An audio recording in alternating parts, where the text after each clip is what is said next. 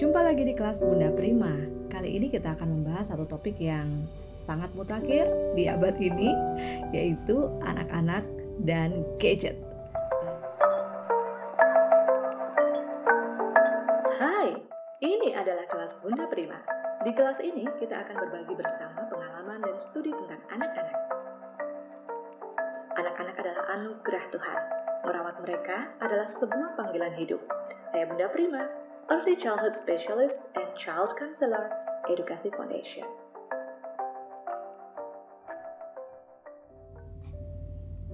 Hai, kita sudah sampai di serial keempat gadget dan anak-anak dan kali ini saya akan memaparkan strategi beberapa strategi dasar bagaimana menggunakan gadget dengan anak-anak di rumah untuk mereka yang sudah appropriate, sudah bisa, sudah boleh menggunakan gadget.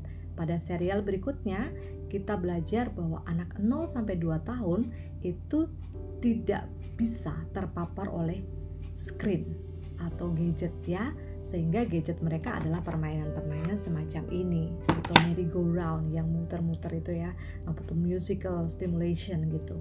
Tetapi untuk anak di atas 2 tahun mereka sudah boleh dikenalkan karena memang dunia sekarang sedang sedang sangat heboh dengan gadget. Kalau bisa sih tidak usah gitu, tapi karena karena uh, kita mesti cop up dengan perkembangan dunia, ya boleh dikenalkan. Tetapi dengan gadget yang paling tidak interaktif yaitu TV.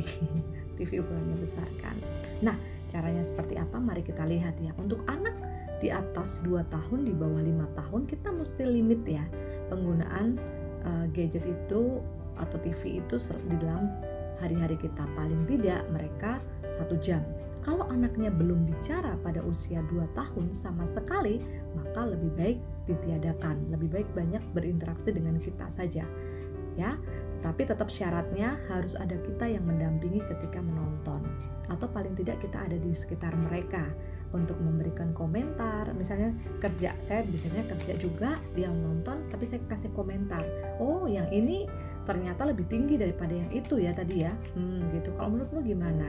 Nah kita ngobrol tapi kita bisa sambil bekerja juga gitu. Nah tapi limit ya kurang dari satu jam atau paling tidak satu jam.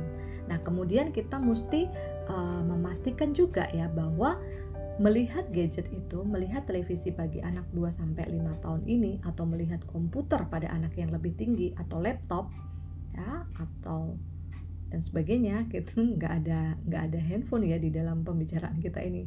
Masalahnya itu ya.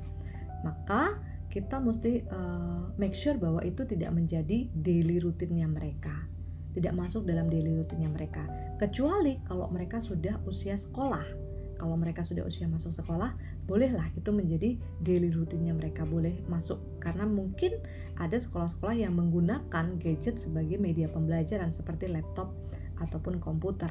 Ya, tetapi itu bisa masuk ke dalam daily routine mereka. Tetapi untuk usia di bawah lima tahun lebih baik tidak menjadi daily routine. Itu menjadi semacam refreshing untuk mereka boleh misalnya seminggu sekali atau seminggu tiga kali terserah nanti kita bisa arrange sendiri dengan kesepakatan dengan anaknya ya kemudian hmm, kita juga bisa me, apa men-set uh, family free screen time ya. Jadi waktu untuk sebuah keluarga itu benar-benar bebas dari gadgetnya. Kalau saya pribadi kami adalah masa sebelum tidur. Sebelum tidur itu beberapa waktu sebelum tidur ya, nah, dua jam sebelum tidur biasanya benar-benar kami stop gadget itu ya. Biasanya uh, putar lagu ya, kemudian kita baca cerita, kita doa, kita baca Alkitab ya, kita baca firman Tuhan. Uh, tetapi tidak dengan TV karena itu sangat mempengaruhi kan anak mau tidur kan gitu jadi kita berinteraksi lebih banyak dengan dia main kitik-kitikan gitu jadi budayakan atau buat sebuah budaya satu waktu untuk kita benar-benar satu keluarga semuanya itu uh, free dari screen dalam satu hari itu. Nah kemudian uh, orang tua juga bisa punya tuh tempat tersendiri untuk menaruh gadgetnya setelah selesai bekerja. Dalam kondisi work from home seperti ini uh, kita pasti nggak bisa lepas dari gadget ya. Saya setiap hari juga harus berkomunikasi rapat meeting konferensi dan sebagainya uh, dengan menggunakan gadget. Dan itu memang akhirnya jadi kebablasan karena nggak ada batasnya dulu. Kalau setiap selesai kerja uh, jam 4 ya sudah gadget dimatikan kemudian bisa full dengan anak sampai dia tidur baru pegang gadget lagi untuk komunikasi. Tetapi sekarang nggak bisa begitu karena uh, terus menerus nah kita sendiri yang harus kontrol kapan dia harus diletakkan. Nah saya sendiri memang menghindari banyak berinteraksi dengan gadget di depan anak supaya memodelkan memodel bahwa orang tua juga tidak bergantung kepada gadget. Jadi kalau saya lagi pegang gadget itu saya ada ruang tersendiri di di apa di kamar begitu atau bicara sama dia dulu. Dek, ibu harus menghubungi tante ini. Dek, ibu harus me, me, me, mengirim pesan ini. Ibu ibu pakai handphonenya dulu ya. Jadi dia tahu bahwa kita sedang melakukan sebuah pekerjaan. Nah, kemudian ini juga yang penting hindari uh, screen time itu satu jam paling minimal ya sebelum anak-anak itu tidur. Karena di serial yang pertama kita udah belajar ya bahwa masa transisi antara sebelum tidur ke posisi tidur dari sadar ke posisi tidur itu adalah masa penyerapan informasi yang sangat uh, mudah sekali. Jadi uh, apa yang muncul di gadget itu itu bisa menguasai dia itu menguasai pikirannya jadi uh, jangan biarkan itu lebih baik kita yang memberikan kesan apa pengajaran kepada mereka sebelum tidur itu. Nah, kemudian sebagai family atau keluarga ya, kita perlu juga untuk melihat kebiasaan-kebiasaan kita setiap hari. Nah, apa sih kebiasaan-kebiasaan kita yang mungkin membuat anak kita jadi pengen main gadget gitu mungkin karena melihat kita setiap hari menggunakan gadget juga ya. Atau karena kita tidak pernah punya ide untuk memberikan kreatif apa stimulasi kreativitas untuk mereka gitu. Sehingga itu perlu kita evaluasi sama keluarga. Kalau guru guru juga perlu ya lihat apakah kita sudah cukup memberikan ruang dan material yang yang menarik bagi anak-anak lebih daripada gadget. Seperti membuat es krim dan memakannya bersama-sama gitu ya. Atau uh, menjajakan es krim di depan rumah. Kemarin kami eksperimen kami buat es kemudian kami jual di depan rumah. Nah itu menarik banget. Dia dapat dapat uang tuh dapat pemasukan kan? Uh, dia senang aku dapat uang aku bisa jualan gitu. Atau hal-hal yang lain yang yang lebih menarik gitu. Uh, bercanda dengan orang tua naik punggungnya papa dan kemudian berkeliling. Nah itu kita per, kita evaluasi apakah kita sudah memberikan banyak stimulasi yang seperti itu. Kalau kita sibuk bagaimana? Nah, kalau kita sibuk, kita ini ya, apa prepare dulu gitu. Misalnya aku seminggu ini saya sering gitu ya dulu, seminggu ini aku akan full banget. Maka pada Sabtunya itu prepare aktivitas buat dia. Supaya pada saat saya sibuk dia punya banyak kegiatan. Lalu kita bawa aktivitas itu ke mana pada saat kita kegiatan itu. Gitu. Memang harus ada harga yang dibayar.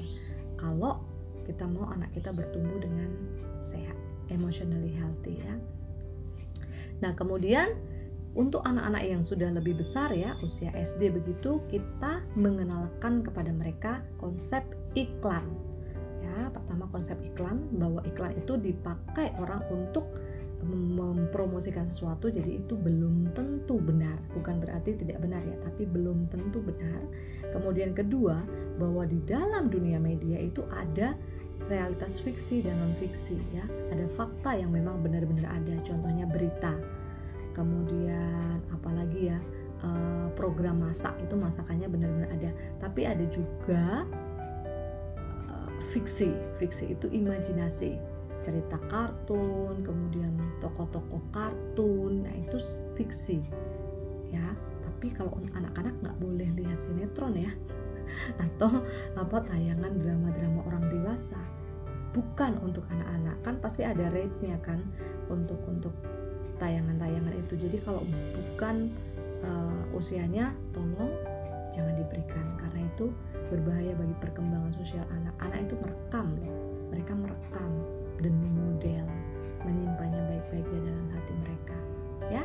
Jadi itu.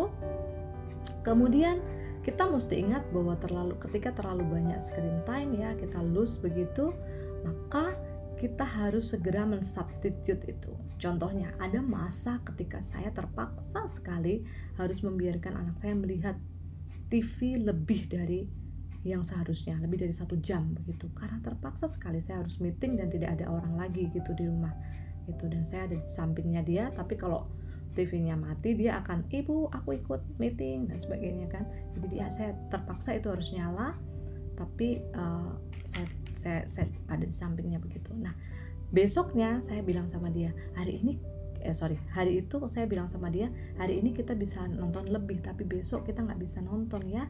Soalnya uh, kita udah pakai di hari ini. Besok aku punya permainan yang lebih seru. Jadi kita punya substitusi untuk dia. Yang lebih seru yang menarik engaging buat anak-anak.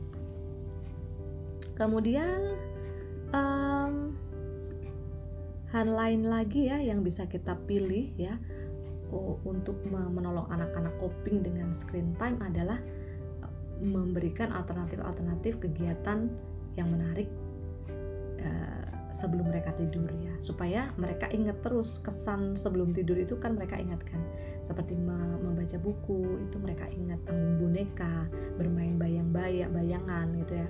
Kita pakai bayangan. Bercerita tentang masa kecil ayah dan ibu itu sangat menarik juga untuk mereka ya. Nah, itu aja beberapa strategi bagaimana kita coping dengan gadget dan anak-anak sesuai dengan uh, usia appropriate mereka. Tapi pasti banyak sekali pertanyaan di di hal ini ya. Cuma kita nggak bisa bahas sampai 2-3 jam. Boleh kalau ada pertanyaan ditulis aja di komentar nanti saya langsung jawab atau kita jawab pada video berikutnya. Oke, kita masuk ke serial yang terakhir setelah ini. God bless you.